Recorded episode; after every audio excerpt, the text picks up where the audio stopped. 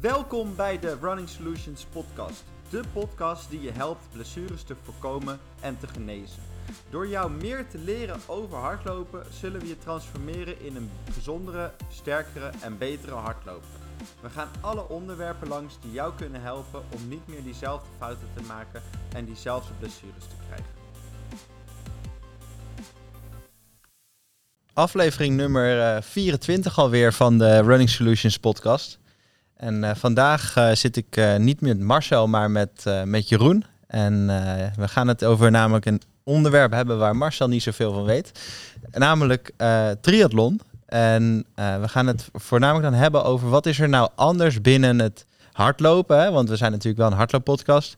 Als je triathlons doet. Dus triatleten die, die, ja, die lopen anders dan hardlopers. Dat zie je gewoon. Die, die lopen niet hetzelfde. Het ziet er toch... eh, ja, je kan ze er zo tussenuit eh, pikken, zou je kunnen zeggen. Eh, zonder daar iemand mee te beledigen. Want dat, dat is natuurlijk absoluut niet, niet de insteek. Dus het onderwerp vandaag is... waarom is hardlopen binnen de triathlon anders dan gewoon hardlopen? En wat zijn dan nou die grote verschillen en de problemen die triatleten met hardlopen ervaren in een triathlon, maar ook, eh, ook daarbuiten? En wat ik al zei, ik heb, eh, ik heb Jeroen, eh, Jeroen van Gelen uitgenodigd. Dat is de eigenaar van Tripro. En Tripro is, is een bedrijf dat zich vooral richt op het ja, begeleiden van, van triatleten. Dan wel in coaching, dan wel in eh, bikefitting, in zwemtraining. Eigenlijk in alles wat je maar kan verzinnen als, als triatleet. Zeg ik dat goed zo of mis ik iets? Nee, nee, Jorien, je zegt helemaal goed zo. Het, het klopt als een bus. Het, eh, Ja, en eh dan ben jij denk ik dus ook de aangewezen persoon eh, om hier wat over te komen vertellen. Over wat is nou dat verschil? Hè? Want jij, je helpt veel triatleten, als ik het goed heb begrepen. Klopt, klopt. En ver- vertel, wat, want hardlopen is echt anders hè, binnen de triathlon. Hardlopen is absoluut anders binnen de triathlon. Omdat ja, wij als atleet hebben natuurlijk daarvoor al gefietst en gezwommen. En dan zwemmen als eerste en fietsen als tweede onderdeel. Ja. Dus dat betekent eigenlijk eh, dat wij al niet meer zo fris eh, aan, het, aan het looponderdeel starten. Ja. dus we brengen al een stukje vermoeidheid met ons, eh, met ons mee. Maar je kunt ook wel zeggen dat er een onderscheid te maken is tussen mensen die op een, op een racefiets rijden. En mensen die op een triathlonfiets rijden. Want dat zijn geometrisch twee echt andere objecten. Mhm. En, en eigenlijk kun je nog een, nog een subcategorie maken. En dat zijn de mensen die op een racefiets met een aerobar, dus met een triathlonstuur eh, rijden. En dat is eigenlijk, hoe raar het ook klinkt, de grootste groep mensen die ook het meeste problemen heeft eh, met, het, met het hardlopen na het fietsen. Maar even terug, hè? want we zeggen eh, hardlopers eh, die, of triatleten die, gaan, die, die hardlopen, die beginnen dus onder vermoeidheid. Dus dat is een van de grotere punten, als ik het goed begrijp. Nou, dat, dat is absoluut een factor die, die meespeelt. En, maar misschien wel het allergrootste punt wat, wat een rol speelt, is ehm, dat als we kijken naar het fietsonderdeel, dat en zeker als je een racefiets eh, met, een, met een aerobar gebruikt, is dat eh, het, het zadel eh, op een andere positie staat als bij een triathlonfiets. Ja? En eh, wat er gebeurt is als mensen dan een, een aerobar plaatsen, dan, dan klappen ze eigenlijk hun bovenlichaam helemaal voorover. Oké. En, en je kunt je dat visueel voorstellen dat eh, als je op een stoel gaat zitten en je gaat voorover eh, bukken als het ware, terwijl je met je, met je billetjes op de stoel blijft, eh, blijft zitten, Mhm. dan wordt de ruimte tussen eh, je bovenlichaam en je bovenbeen wordt veel kleiner. Ja. En, eh, en wat je ziet gewoon ook al in ons dagelijks westerse leven, wij zitten veel. Mhm. Eh, maar door die continue beweging, kijk als je een kwart triathlon neemt, dan is het al 40 kilometer fietsen. En dat is eigenlijk binnen, binnen alle afstanden van de triathlon, is dat het fietsonderdeel neemt het meest aan tijd in beslag. Maar eh, dan gaan we toch even terug, want, want we gaan heel snel nu. Maar die, die fiets, hè? Je, je, je noemt eigenlijk twee, twee fietsen. Je hebt een triathlonfiets en een racefiets. eh, dan wel niet met, een- met een speciaal stuur erop. Ehm, Klopt, klopt. wa- wat is überhaupt het verschil tussen een triathlon en een racefiets? Want dat weet ik niet. Nou, kijk, een racefiets is eigenlijk eh, niet bedoeld per se als object om triathlon mee te doen. Dus eh, als we het een beetje simpel maken voor, voor de luisteraars. ehm, bij een triathlonfiets staat het zadel eh, veel meer boven eh, de krenkarmen, de trapas. Ja, Dus daardoor creëer je eigenlijk, door die positieaanpassing, creëer je eigenlijk ruimte tussen het bovenlichaam en de bovenbenen. oké. En, en bij een racefiets, een racefiets is eigenlijk van origine gemaakt om wendbaarder te zijn. Mhm. En daar moet je mee kunnen klimmen, mee moet je mee kunnen dalen. Ja. En je handen zitten dan gewoon op de remgrepen. Mhm. En die triathlonfiets is totaal ontwikkeld eigenlijk om, om, die, ja, om dat fietsonderdeel als een soort warming-up te beschouwen voor het hardlooponderdeel. Je, als, als ik het zo bekijk, en ik zie natuurlijk wel vaak geblesseerde triatleten die, de, die dan eh, op de praktijk komen. Uh, maar als ik die fietsen bekijk, dan is het, als je het mij vraagt, zit je bij de een relatief rechtop en bij de ander lig je zo'n beetje op je stuur. Is dat, uh, is dat dat verschil dan? Ja, zo zou je het verschil ongeveer kunnen omschrijven. Bij een racefiets, uh, zelfs bij een, een, een aero-positie op een aero-racefiets, want die bestaan ook, Ja. zit je toch nog steeds wel meer rechtop dan, uh, dan dat je dat op een triathlonfiets uh, zit. En het voornaamste verschil zit hem dan in waar dat zadel staat? Ja, ik bedoel, dat is waar het grootste verschil. Er zitten nog wel andere geometrische verschillen om, om de, de wendbaarheid en de handelbaarheid van de fiets qua rijgedrag te beïnvloeden. Mm -hmm. Maar voor, voor dit specifieke hè, topic, dus het, het, hardlopen na het fietsen, is eigenlijk de zadelpositie ten opzichte van het bottom bracket. Dus uh, het deel waar je krenkarmen en waar je pedalen aan vastzitten. Ja. Dat staat echt, uh, laten we het een beetje grofweg, 6, 7, 8 centimeter verder naar voren mm -hmm. dan dat het bij een racefiets uh, staat. Oké, okay. ja. En, en uh, ik kan me dan voorstellen dat je, uh, dat je ander spiergebruik hebt op een, op een uh, triathlonfiets dan op een racefiets. Ja, klopt, klopt. Heeft dat dan invloed op hoe je loopt? Ja, dat heeft zeker invloed op je hoe je daarna gaat lopen. Want kijk, die, die rugspieren weet je als, als, als fysio natuurlijk, of als, als running specialist alles van. Je rugspieren worden eigenlijk van de liggende positie, moeten ze weer naar extensie rechtop staand. Mm -hmm. En daardoor, omdat die, die, zeg maar, dat voorovergebogen op die, op die aerobar, ja. ja. daardoor komt er heel veel spanning op de onderrugspieren. Mm -hmm. Maar ook aan de voorkant wordt er heel hard aan de voorkant van de heupspieren getrokken. Die hipflexoren zijn daardoor vaak veel korter. En er wordt ook gewoon te weinig, uh, vaak te weinig aandacht aan besteed. Op welke fiets is dat dan? Ja, dat geldt wel eigenlijk voor beide fietsen. Okay. Alleen op de racefiets, zeker als er een aerobar op zit, is dat effect veel groter. Ja, omdat je jezelf eigenlijk dubbel klapt. Ja, dus je fout je uh... eigenlijk zelf dubbel, exact. exact. Want je, dat is misschien voor de, voor de luisteraar belangrijk om te weten. Je heupflexoren, dat zijn spieren die liggen in je lies eigenlijk. En die lopen dan door je bekken terug naar je, naar je onderrug. Hebben we wel eens in een in andere aflevering ook wel benoemd. Uh, die, die zijn gemaakt om je, om je been uh, eigenlijk als het ware op te tillen. Uh, maar die, die hebben dus ook een trekkracht op die onderrug. En op het moment dat je dus je rug voorover buigt en je, je benen eigenlijk naar je, naar je buik toe brengt, je bovenbenen, dan maak je die hoek zo klein dat die spier ook, ook korter wordt. En dat kan dus als gevolg hebben dat je moeite hebt met je rug recht maken. Dus rechtop staan, maar ook bijvoorbeeld je benen achterstrekken, dat soort dingen. Uh, en dat heeft dus een grote beperking in lopen. En dat kan dus ontstaan op de fiets. Ja, dat ontstaat vrijwel eigenlijk alleen maar op de fiets. Dat, uh, kijk, je maakt, uh, de gemiddelde triatleet maakt ongeveer, laten we even grofweg zeggen, 85 tot 95 omwentelingen per minuut.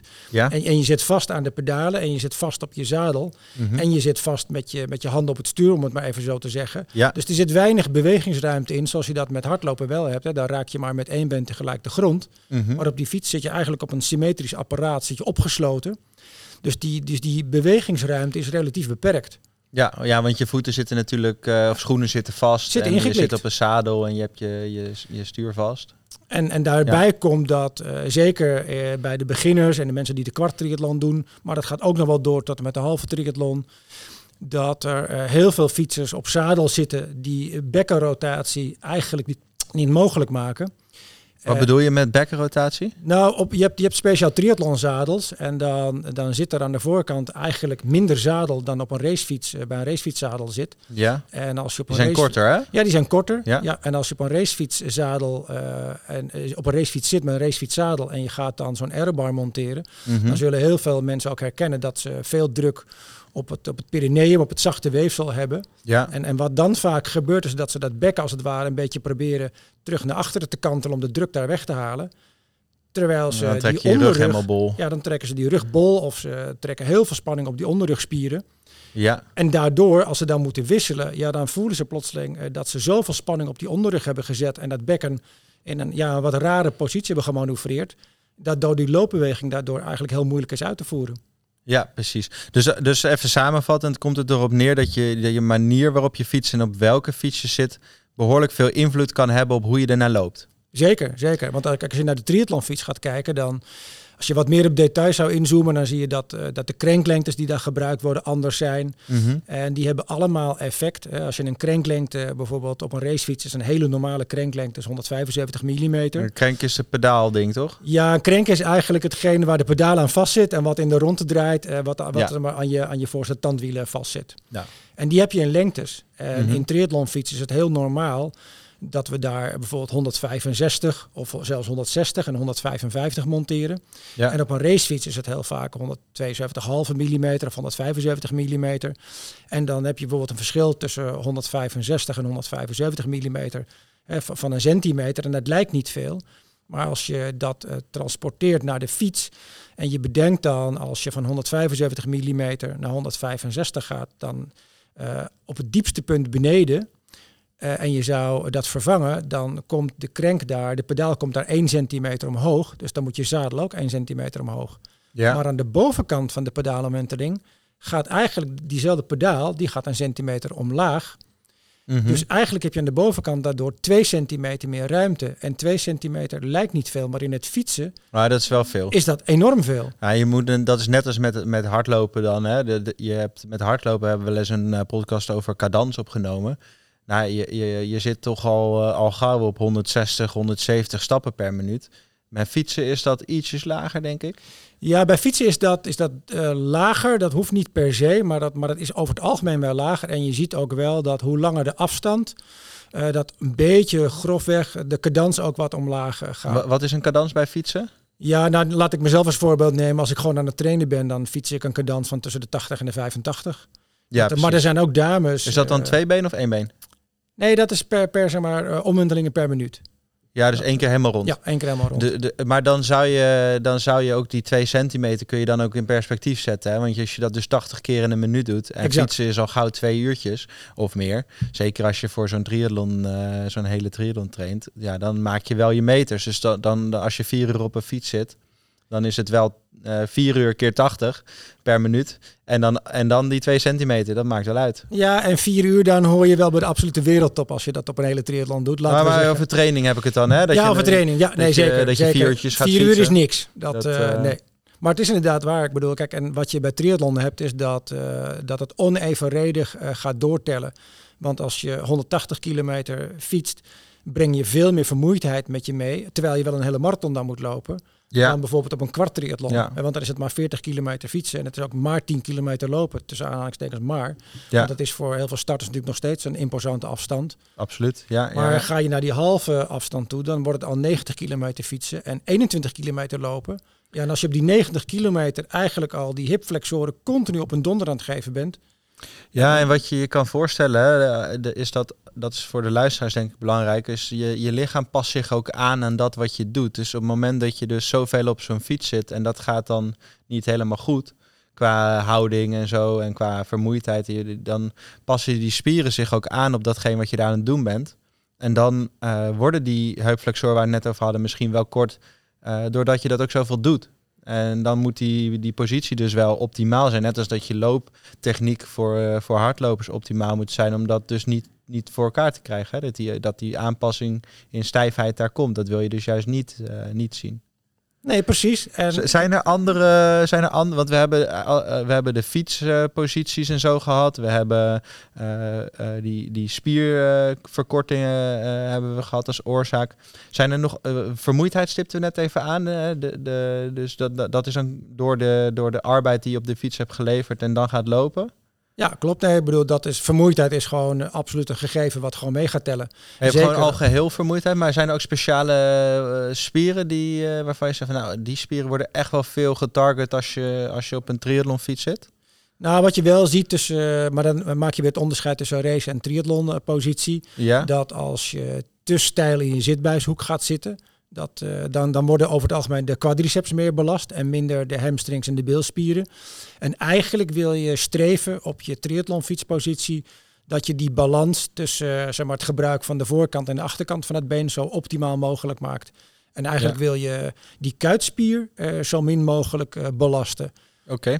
Daarom, daarom hebben we in de triathlon ook wel een andere positie eh, van de schoenplaatjes. Die zitten veel verder naar achteren toe dan bij een racefietspositie. Meer naar het eh, midden van de voet. Zitten eh, meer naar het midden van de voet, ja. En dat is om die kuiten te ontlasten. Ja, dan, dan kun je de kuitspier eigenlijk veel, minder uitscha veel meer uitschakelen. Want je hebt niet die, die heffing nodig eh, met fietsen. Kijk, zoals je bijvoorbeeld als je op een racefiets zit en je sprint veel of je moet klimmen, dan wil je die enkel echt kunnen gebruiken om aan die pedaal te trekken. Ja. En in een triathlon is dat hele fietsonderdeel gewoon afgestemd om het zo optimaal en zo fit mogelijk en zo gevoed mogelijk eh, van de fiets te komen, om dat looponderdeel zo, zo Maar te starten. je, ik kan me voorstellen, en eh, correct me if I'm wrong, want ik zit niet zo in die, in die fietswereld, maar is het niet zo dat je, als je fietst, dat je gewoon ontzettend veel met je benen doet?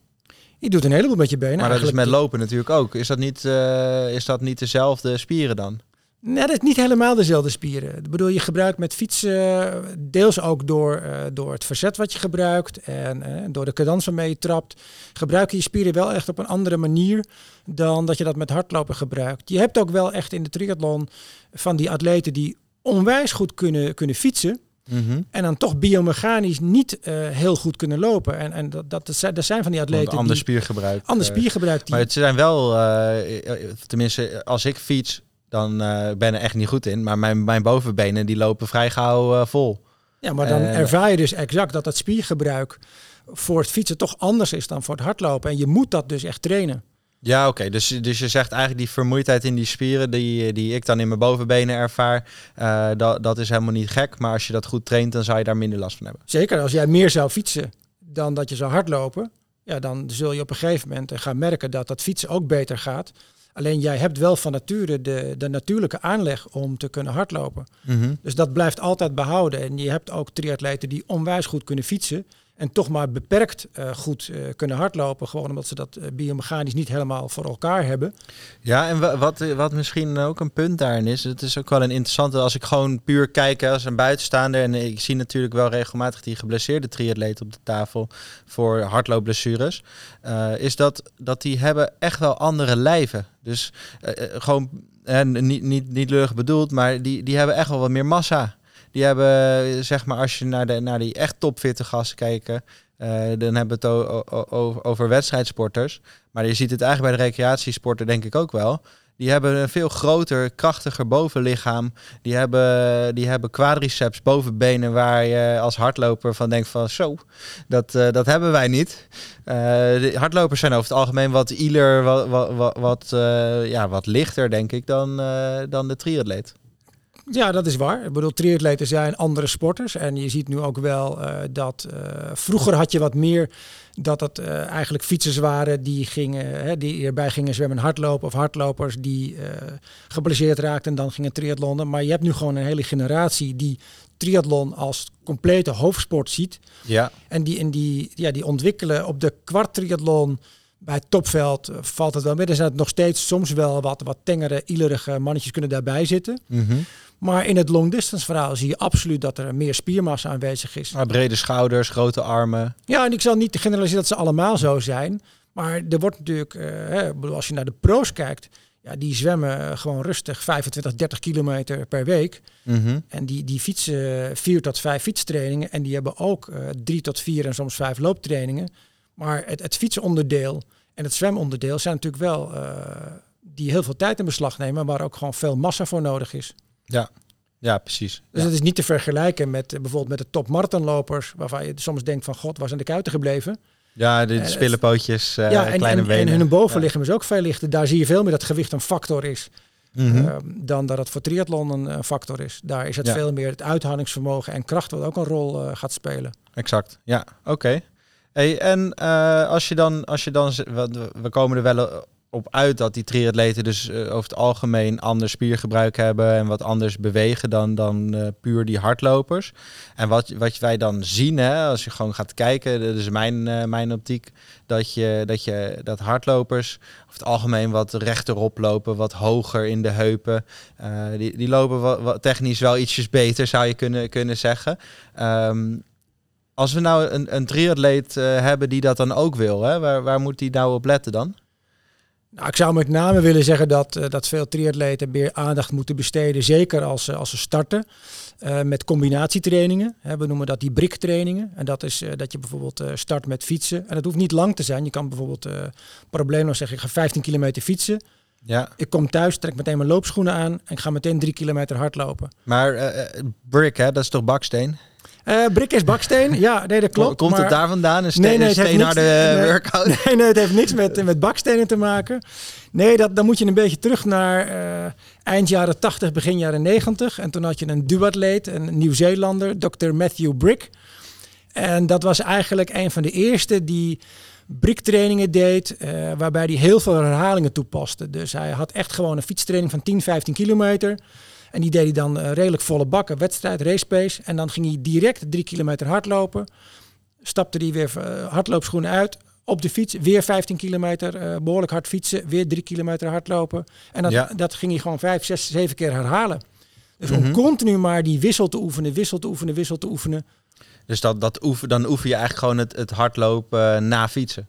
Dat, exact, exact, Maar dat, dat, dat heet dus brick workout. Dat is ja, goed, we noemen uh, dat, bedoel, omdat hij dat een beetje op die manier geïntroduceerd heeft. Ja. Hij was een van de eerste die dat deed. Is dat op een gegeven moment, ja, zijn dat brick trainingen gaan worden. En dat is gewoon zijn achternaam. Oké. Okay. Dat ja. uh, had nee, ja, niks met bakstenen, ik, niks ik, met bouwen. Ik, vraag, nee. maar ik snap, de, ik snap geen ja. van die naam. Maar, nee, nee, uh, dat okay. is uh, Dr. Matthew Brick. Laten we zeggen dat hij de grondlegger is van... Er werd wel wat aan wisseltrainingen gedaan. Mm -hmm. Maar dat waren de Amerikanen die dan gewoon een lange fietstraining deden... en direct daarna één keer gingen hardlopen. Ja. En Matthew Brick, dat was eigenlijk de man die, die bedacht van... Hey, als je dat in één training vijf of zes keer herhaalt in korte delen dan, uh, dan hoop je dat je wat meer muscle, muscle memory uh, creëert. En dat die mm -hmm. wissel gewoon vanzelf steeds makkelijker uh, wordt. Ja, dus eigenlijk leer je gewoon je lichaam van hé, hey, uh, we, gaan nu, we gaan nu hardlopen na het fietsen. En dat doen we nog een keer, nog een keer om maar te wennen aan. Ja, aan dat, dat is het. Je moet je lichaam echt, echt trainen erin. Ik bedoel, het is heel grappig. Ik, ik doe veel minder briktrainingen dan vroeger. En ik heb die, die, die problemen ook niet meer. Maar ik kan me nog heel goed herinneren toen ik midden jaren 80, eind jaren 80 voor het eerst inderdaad met een racefiets uh, een triathlon deed en ik ging hardlopen. Ja, ik dacht dat ik eieren onder mijn schoenen had zitten. Mijn benen leken wel van rubber. Ja. Het was een hele merkwaardige uh, gewaarwording. En ik kon best aardig hardlopen en, en fietsen was moeilijker, want dat was nieuw voor me. Mm -hmm. en dat, maar dat hardlopen, joh, dat, dat, dat had een hele rare beleving. Ja. Wat, wat heel veel mensen ook wel uh, zullen herkennen als ze, dit, als ze dit luisteren, is dat als je na het fietsen gaat hardlopen, dat je denkt dat je tempo veel lager ligt dan wat het werkelijk is. Ja, dat, je loopt ja. veel harder, omdat je benen nog neuromusculair veel meer in die cadans van het fietsen zitten. Dus wat trager. Uh... Nee, het is niet per se trager, maar je, je, je, benen draaien rond op de fiets. Ja. En, en dan ga je hardlopen. En dan, dan voelt het hardlopen als tempo veel lager dan dat je werkelijk... Hè, we hebben nu maar van die mooie Garmin's, dus we kunnen mm -hmm. zien wat we na een kilometer gelopen hebben. Ja. En dan denk je dat je veel langzamer loopt, totdat je de eerste kilometer ziet. En dan loop je soms een halve minuut sneller dan wat je gevoel eigenlijk zegt. Nou ja, en dat wil je oefenen. Je moet op Ja. een gegeven moment die, dat, dat hoofd moet voelen van, oh ja, dit is het tempo. En dat, dat is Mhm. hartstikke lastig. Ja, ja, ja, precies. En, en wa- want dat, ik kan me zo voorstellen dat die, die positie van die fiets dan ook eh, nogal uitmaakt. Hoe weet iemand die nou luistert nou van mijn fietspositie zou wel eens eh, helemaal eh, de oorzaak van, van het probleem bij het lopen kunnen zijn? Nou, dat, dat zou kunnen zijn wanneer je de, de herkenbare problemen hebt. Dat je vaker gevoelig bent voor kramp eh, in een triathlon. Van welke spieren dan? Ja, met name bovenbeen, hamstring. Oké. Dat, eh, dat zijn, eh, kuiten wil ook nog wel een rol spelen. Maar dat kan dan ook met die positie van die schoenplaatjes te maken te hebben. Ja. Maar vaak zie je dat, dat hamstringproblemen eigenlijk geen hamstringproblemen zijn. Maar Mhm. dat het eigenlijke probleem aan de voorkant zit en dat de hamstring daarop reageert. Ja. Ja. Dus er wordt, er wordt door die, eh, die hipflexoren zo hard aan de voorkant van het bekken getrokken. Dat ze eigenlijk last van hun hamstrings krijgen. Maar dat komt omdat het bekken wat naar voren geroteerd staat. Mede ook door die triathlonpositie. En ja, ze, precies. en ze ja. te weinig aandacht aan de mobiliteit en de flexibiliteit van die hipflexoren besteden. Mhm. Dat die hamstrings eigenlijk al zo ver onder spanning staan. Ja, en dan ermee gaan fietsen. Ja. Ja, dan, dan duw je het eigenlijk een beetje over die grens heen. En zodra ze van die fiets afkomen en dan weglopen. Ja, dan krijgen ze vaak die krampeffecten. Ja, voor de, voor de luisteraars, dat kan je bij jezelf wel eens testen of je, dat, eh, of je die beweging of die, die houding kan herkennen. Is als je bijvoorbeeld tegen een muur gaat staan met je rug en dan eh, schouders tegen en hoofd tegen de muur houden. En dan proberen je onderrug zo ver mogelijk van de muur eh, weg te krijgen zonder je billen los te halen. Dan moet je dus je bekken voorover kantelen. En dat is eigenlijk de positie die jij bedoelt. Hè? Dat ze dat op de fiets hebben gedaan zo vaak. Dat, uh, dat dat dan eigenlijk zo blijft. En dat je als je dan gaat rennen, dat dat dan niet goed... Uh, dan gaat die hamstrings uh, trekken. Ja, dan, ga, dan trekt het bekken eigenlijk zo hard aan de voorkant dat die hamstrings al eigenlijk tegen hun grens van hun flexibiliteit worden aangetrokken. Ja, dat voel je dan ook. Hè? Als je die, die test doet die ik net beschrijf en je kantelt dat bekken helemaal voorover, dan voel je ook letterlijk die hamstrings remmen. Die kunnen dan niet meer verder. Precies, die kunnen gewoon niet verder. maar op de fiets, en zeker als je zadel bijvoorbeeld dan net een ietsje aan de hoge kant is, ja, dan trek je zo hard aan die hamstring. En omdat je voeten gewoon vastzitten met je schoenen aan de pedalen, ja, dan kun je dat niet compenseren. Dus je trekt iedere keer aan die hamstrings. En het is een soort elastiek wat dan iedere keer tot net even tot aan de grens wordt, ja, wordt uitgerekt. Ja. ja, en op een gegeven moment breekt een elastiekje. En nou, ja, dat geldt hetzelfde voor je hamstrings. Ja, en dan krijg je kramp of En, en bedoel, zodra je van de fiets afkomt, ja, en dan, dat soort zaken. ja, dan kom je van de fiets af. En dan, ja, de meeste mensen, zeker op een kwart, gaan dan toch, uh, omdat het maar 10 kilometer, of bij een sprint is het 5 kilometer, gaan ze volle bak weg. Ja. ja, en dat is dan, uh, dat is dan heftig. Ja, heeft het ook, uh, even terug weer naar oorzaken, maar heeft het ook iets met bloeddruk te maken? Dat als je zo lang plat ligt en je gaat daarna rechtop staan? Ik weet van mezelf, toen ik, uh, toen ik fanatiek atletiek deed, had ik een vrij lage bloeddruk. En dan had ik wel eens dat als ik te snel opstond, dat ik gewoon weer ging zitten, zeg maar. Hè? De, de duizeligheid die kwam dan wel op. is dat ook iets als je zo lang plat ligt? Nee, daar zou ik het niet per se aan willen wijten. Ik zou het eerder nog willen wijten dat, um, wat ook vaak wel een, gebrek is dat uh, het wordt onderschat hoeveel vocht je verliest uh, met fietsen. Uh, zeker als het zomers warm is, verlies je al vocht met zwemmen. Ja, dat, ja. maar dat voel je niet omdat je dat zweten niet voelt. Mm -hmm. En op de fiets is dat ook veel minder heftig omdat je de koeling van de wind hebt. Ja. En wat je dan, wat je dan merkt is dat mensen toch te weinig voeding en vocht tot zich nemen. Dan word je een beetje slapjes. Nou, wat je ook bedoel, wat je vaak ziet is, dat is wel grappig. Ik zeg dat wel eens tegen bikefit klanten ook. Van dan zeg ik wel eens, als je een fietstraining gaat doen die wat langer is, 2, 2,5 uur, um, ga maar eens met je benen gestrekt uh, en dan je handen naar je tenen toe brengen. Kijk maar eens hoe ver je komt. En dat doe je dan voor je training. En dan moet je dat ook eens na 2,5, 3 uur fietsen doen. Dan merk je mm -hmm. dat je na de training veel minder ver naar beneden kunt komen. Ja. Uh, dat, dat heeft te maken met vochtgebrek. Ja. Dat is een van de factoren die eraan invloed op heeft. Daarom is die hydratie op de fiets ook zo belangrijk. Is het ook niet gewoon dat die spieren gewoon een beetje verstijven doordat ze moe zijn? Zeker, wat ik bedoel, dat is die vermoeidheid waar we het ook over ja. hebben. Maar het is ook gewoon vaak vochtgebrek. Ik bedoel, het gebeurt ja. heel vaak dat ik mensen uh, hoor die zeggen: Ja, ik heb één bidon mee, maar dan heb ik wel drie uur gefietst. Ja, dat is, dat is, dat is gewoon veel te weinig. Uh, dat, ja, maar ze hebben dat, dat vochtverlies, dat besef van dorst is er dan niet. Mm -hmm. Omdat de windkoeling ja, ervoor zorgt dat ze denken: well, het, het zweten valt wel mee. Ja. En met hardlopen alleen, als het wat warmer is, dan voel je natuurlijk meteen ja, dat je heel dat, veel vocht aan het uh, kwijtraken bent. En dan zijn mensen veel eerder geneigd om dan aan te vullen. En op de fiets heb je dat effect wat minder. Mm -hmm. En ik hoor ook heel veel mensen, zeker bij starters, die dan gewoon zeggen: ja, ik drink water. Ja. En ja, dat, maar water zit niks in. Dus als je die, die zouten, die mineralen kwijtraakt. Ja, dat vul je dan niet aan. Dat vul je niet aan. En dan gaan ze dat pas aanvullen als ze gaan lopen. Maar dan is het te laat. Ja, ja, ja precies. Hey, en um, we, we, dus ze herkennen nu dan wanneer ze, wanneer ze dus niet goed op de fiets zitten, wat voor signalen dat dan zijn. Dan weten ze in ieder geval dat ze daar wat aan moeten doen. Dan moet je natuurlijk de Tripro, hè, dat is duidelijk weer ondertussen. Uiteraard, uiteraard. Uh, en uh, uh, de, een ander ding is dus dat als gevolg van die spieren stijf worden. Dus dat, daar moeten we ook wat mee. En dat is, dat, dan hebben we het over die, die heupflexoren, hè? dus die, die spieren in de lies en die onderrug eigenlijk. Um, en je zegt die hamstrings die worden stijf, maar dat zijn het dus zijn dus vaak niet echt de hamstrings die daar de oorzaak van zijn. Nee, de hamstrings zijn vaak het gevolg van dat het probleem eigenlijk wat aan de voorkant zit. Dus eigenlijk hoeven ze niet zozeer aan die hamstrings te gaan, uh, gaan trekken, maar juist aan die liezen. Ja, liezen, de hipflexoren aan de voorkant, iliopsoas, ja, bovenbenen. Ja, dat, dus dan hebben we het ook, dat noemen we heel mooi de schuttershouding. Dat kan je wel eens opzoeken op Google. Als je dat uh, intypt, dan vind je een rekoefening. Het is, is ook wel een, een, soort lunch of een uitvalstap, waarbij je juist op die liezen focust. Dat, dat heb je niet op je eigen website staan. Jawel, jawel, ja, ja, ja, die oh, staan ook wel online, maar dan moet je echt gaan zoeken. Maar type schuttershouding en dan vind je hem, uh, dan vind je hem direct. Um, en dus dat soort dingen, maar ook uh, onderrug, uh, soepel houden, heupen soepel houden, dat is denk ik enorm belangrijk, toch? Ja, dat is super belangrijk. Heel veel, heel veel triatleten, en ik denk dat dat ook wel een beetje voor hardlopers geldt, maar zeker triatleten, omdat uh, Eh, op het, met het fietsonderdeel zit je gewoon soms tot uren aan toe. En voor heel veel, eh, laten we zeggen, gemiddelde normale stervelingen, recreanten die een hele triathlon doen, betekent dat je fietstrainingen soms hebt van tussen de vier en soms wel zeven uur. Ja. En dan zit je heel monotoon in één houding. Mhm. Dus ja, dat bedoel, dat is bijna soms een werkdag in één houding zitten zonder dat je van die fiets afkomt. En dan moet je eten, je moet drinken, je moet alles, Alles in, het, in het werk ja. zetten om daarna die marathon te kunnen lopen.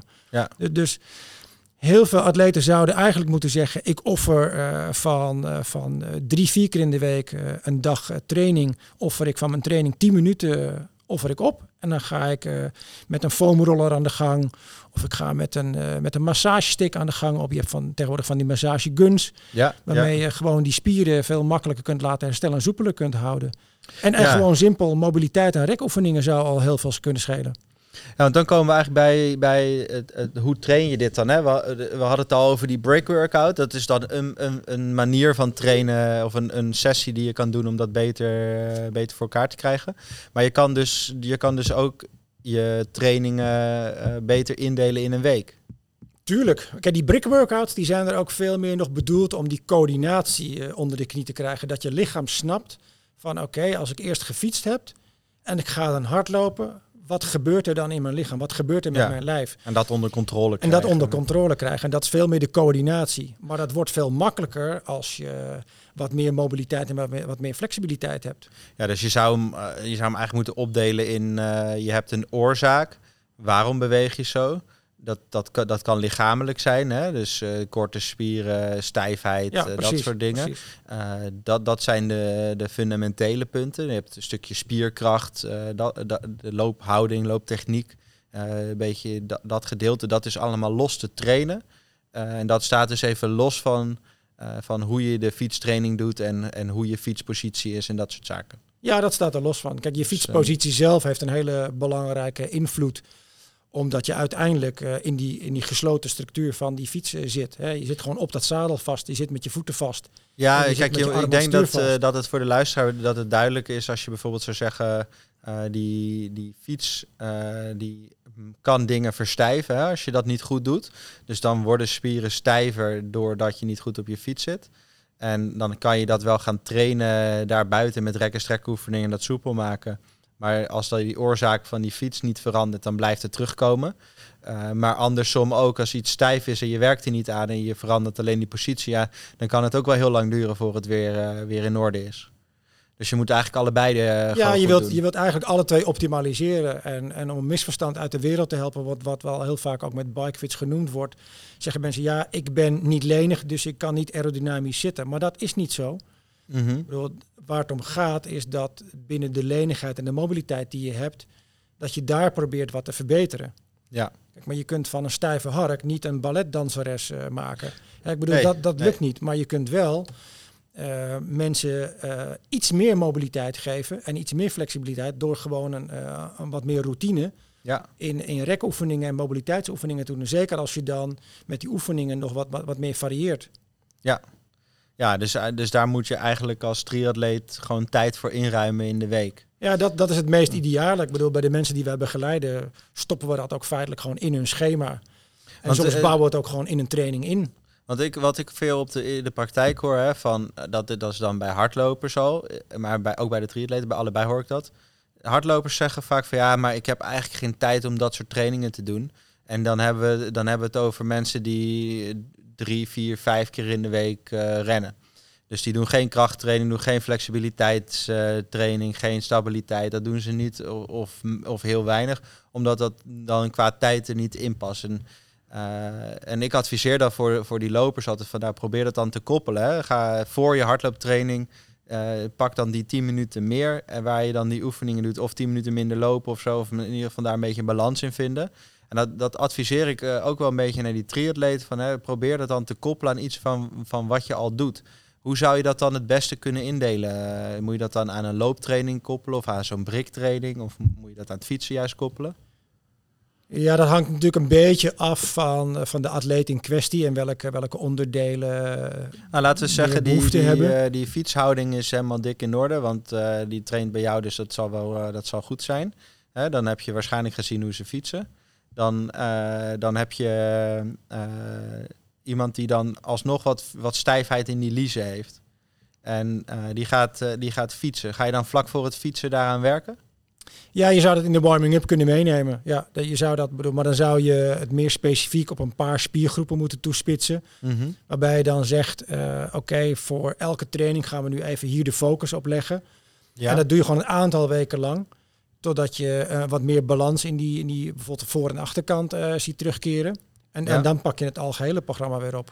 Oké. En is fietsen dan de beste training voor, de, voor zo'n triatleet om dat aan te koppelen? Of is dat misschien beter met zwemmen of met. met- nee, met voor het zwemmen is dat, ik bedoel, als we het op de benen, even op de benen gooien, is dat niet per se voor zwemmen per se de meest interessante training. Ik zou het wel eerder met fietsen en lopen doen. Kijk, als mensen het laten schieten vanwege tijdgebrek, en dat snap ik wel, want eh, als we na een, een zware fietstraining of we hebben een looptraining gedaan en je gaat op de bank zitten, En dan, nee, dan, is de drempel eh, om opnieuw eh, te gaan rekken en strekken is heel groot. Ja, Dat, over het algemeen ben ik niet een, een voorstander van heel veel rekoefeningen doen voor, kort voor een looptraining.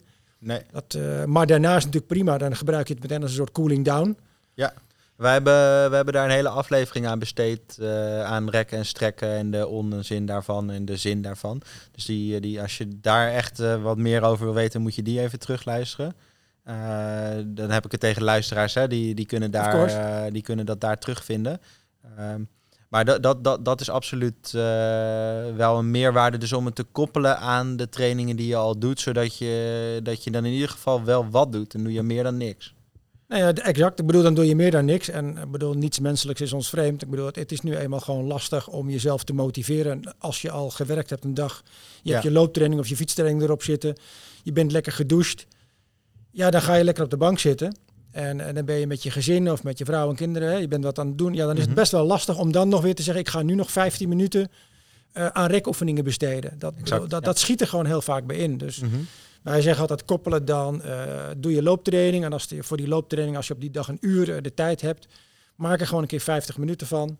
Ja. En ga er gewoon 10 minuten aan die mobiliteit en flexibiliteit werken. Precies. Dat, dat gaat, on- gaat onwijs veel helpen. Ja, ja, dus in de basis is dat gewoon eh, in je schema stoppen en zorgen dat eh, dat, dat goed. eh, ja, je goed moet het zit. gewoon opnemen. En je moet gewoon proberen daar een soort routine in te vinden. Dat je zegt, hey, op maandag ga ik die oefeningen doen. En op woensdag doe ik die oefeningen. En op vrijdag doe ik die oefeningen. Stel jezelf ook nooit het doel van, ik ga dat elke training doen. Want dan sla je een dag over en dan voelt het alles weer alsof je gesmokkeld hebt. Ja, En dan, dan krijg je die, die psyche van, oh ja, nou ja, ik heb het vandaag niet gedaan, dus ik heb al gefaald. ja. Je ja. moet nooit eh, het op alle trainingen willen doen. Doe het gewoon drie keer in de week. Dat, Mhm. dat doel is veel makkelijker te realiseren Ja. dan dat je eh, voor jezelf een soort verplichting kan doen. Ik ga nu na elke training rekoefeningen doen, want dat is niet vol te houden. Nee, precies, dat is niet haalbaar. Hey, en jij, eh, jij schrijft die triathlonprogramma's en dan neem je dit gewoon in mee. Ja, eigenlijk eh, nemen we dit eh, met de coaches die we bij ons eh, hebben, nemen we dit gewoon standaard mee.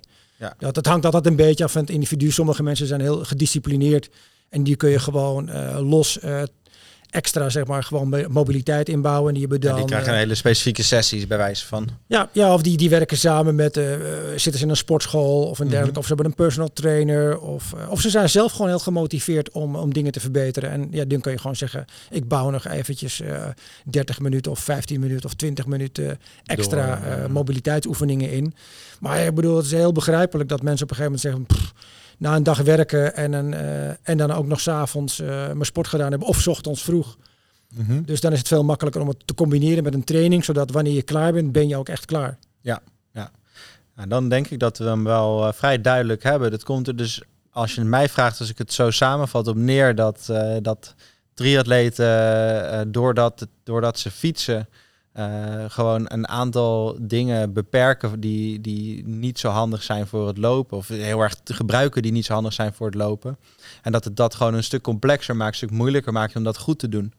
En eh, dat, als je dan dus de voorwaarden niet traint of creëert om dat goed te kunnen doen, dat het dan automatisch heel lastig gaat worden om, eh, om technisch goed te lopen en lekker te lopen na het fietsen.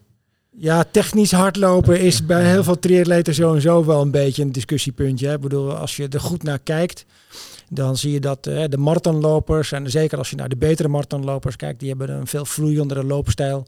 Zelfs dan de professionele triatleten. Ik bedoel, ook de toppers in de triathlon, daar zie je gewoon dat ze met veel meer haklanding eh, lopen.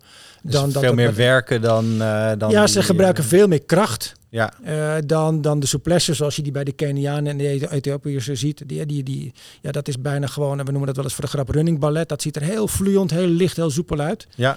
En dat is bij triatleten is factor kracht ook wel echt een, echt een ding. Benen zijn ook veel zwaarder gebouwd. Mhm. Over het algemeen dan van de marathonlopers. Ja. Maar bij heel veel recreanten zie je het wel, zoals we dat altijd een beetje noemen, ja, de oude Marty ten Katen loopstijl. Een beetje, Ja, ja. beetje, beetje zittend lopen. Ja, Ja, en dat komt toch ook wel door, eh, door, die, door die bekkenkanteling. En Mhm. eh, dat er zo hard aan het bek aan de voorkant getrokken wordt. En, Ja. en door het monotone van, eh, van dat fietsen. ja precies. Dat, je zit heel lang in eenzelfde houding opgesloten. Ja. Ja, en als je dan weinig aan je, aan je mobiliteit en aan je flexibiliteit besteedt, ja, dan zul je gewoon merken dat die spieren verkort worden. Mhm. Dat, eh, dat ga je gewoon merken. En, en dat voel je dan daarna met hardlopen. En dat zie je ook terug in het hardlopen. Omdat ja, dat lichaam past zich aan aan de bewegingsvrijheid die er zit. Ja. Ja, ja en dan zie je dus eh, een beetje die inge, ingezakte loopstijl ontstaan. Maar het voordeel is, wat we nu dus ook wel eh, kunnen concluderen, het is wel trainbaar. Er is aan te werken. Je moet alleen even weten waar bij jou de problemen liggen, die, daar, die er ten grondslag liggen aan, aan dat dat zo gebeurt. Ja, precies. Je moet er gewoon echt, eh, echt wat tijd in steken. Ja. En dan wordt het gewoon eh, trainbaar en verbeterbaar. Ja. En dan wordt het looponderdeel ook aangenamer. Nou, dat is, eh, en dan zal je waarschijnlijk beter je eindprestatie. Ja, je tijd zal aan het einde van de rit beter zijn, natuurlijk. Maar waar het natuurlijk voornamelijk om gaat, is dat je, hè, bedoel, wat we toch ook wel veel met, met bikefits horen van mensen, dat ze die, dat ze die krampverschijnselen en die spanning en dat het lopen niet goed gaat. Ja, dat, dat kun je weghalen gewoon door die een mobiliteit. discomfort eigenlijk. Ja, het is gewoon heel veel comfort. Ja, Ja. Je loopt gewoon makkelijker, je loopt rechterop, je hebt minder last van je onderrug. Dus dat je die spanning van die, van die specifieke spiergroepen afhaalt. En dat, kan, dat kun je doen door eh, een bikefit, eh door de trainingsmethodes te hanteren, die briktraining in te bouwen. Dat kun je met, je met een coach overleggen. Er zijn heel veel manieren om daar verbeteringen aan te brengen. Mhm. Eh, andere krenklengte op je fiets als je een racefiets hebt. Er zijn talloze manieren om het beter te maken. Ja. En, van alles een beetje is wel de beste weg. Hey, en eh, we hebben vaker gasten op de podcast. We hebben een keer Dennis Licht gehad, of twee keer zelfs. Ehm, en eh, dan vraag ik altijd, hoe kunnen mensen jou nou bereiken? Hè? Want we, we, hebben het al even aangestipt, maar je, hebt, eh, je doet coaching, je hebt een aantal coaches werken, je doet bikefittings, je doet dingen met zwemanalyse en zo. Hoe komen mensen nou bij jou terecht? Ja, het makkelijkste is gewoon eh, contact opnemen via de website. Of, eh, Wat is de website? Eh, tripro.nl. Ik zal hem ook even in de beschrijving van de podcast zetten. Voor de luisteraars kun je het daar terugvinden. Ehm, ja, ik zou zeggen, neem even een kijkje. Als je, als je in die triathlon zit of je overweegt om, om met triathlon bezig te gaan, dan, dan kan je daar eh, perfect terecht om, om daar meer over te leren en ja, aan de juiste spulletjes te komen en het, goed, het ook echt goed aan te pakken. Ehm, ja, en dan tot slot, eh, wat, eh, wat we altijd zeggen, hè, we, we zijn altijd op zoek naar nieuwe onderwerpen om, eh, om te bespreken voor de podcast. Dus zeg je op basis van deze podcast of een van de andere die je hebt geluisterd van nou, dit is nog een onderwerp wat ik graag wil, wil terughoren, kan je dat mailen naar contact@runningsolutions.nl. En anders, eh, als je korte vragen hebt, die, eh, die kan je ook op de mail zetten. En eh, die gaan we vanaf de volgende aflevering ook echt met een luistervraag in elke aflevering beantwoorden. Dus straks komt er in elke aflevering, wat het onderwerp dan ook is, een, een vraag van een van jullie terug. En ja, als jij dus daar een vraag voor hebt, mail die gerust naar contact.runningsolutions.nl. En dan natuurlijk vijf sterren op Spotify en op Apple Podcast. Reacties achterlaten zou top zijn, daar kijken we ook naar. En we zitten sinds kort op Podimo. Dus als je Podimo eh, zit, dan kan je ook nog eh, meeluisteren. Bedankt voor het luisteren naar de Running Solutions podcast. Heb je vragen naar aanleiding van deze podcast of zijn er onderwerpen die je graag besproken zou hebben in de toekomstige podcast? Laat het ons dan vooral weten. Dit kan je doen door te e-mailen naar Running Solutions of laat even een comment achter onder de Apple Podcast, eh, in Spotify of de andere podcast services waar we te vinden zijn.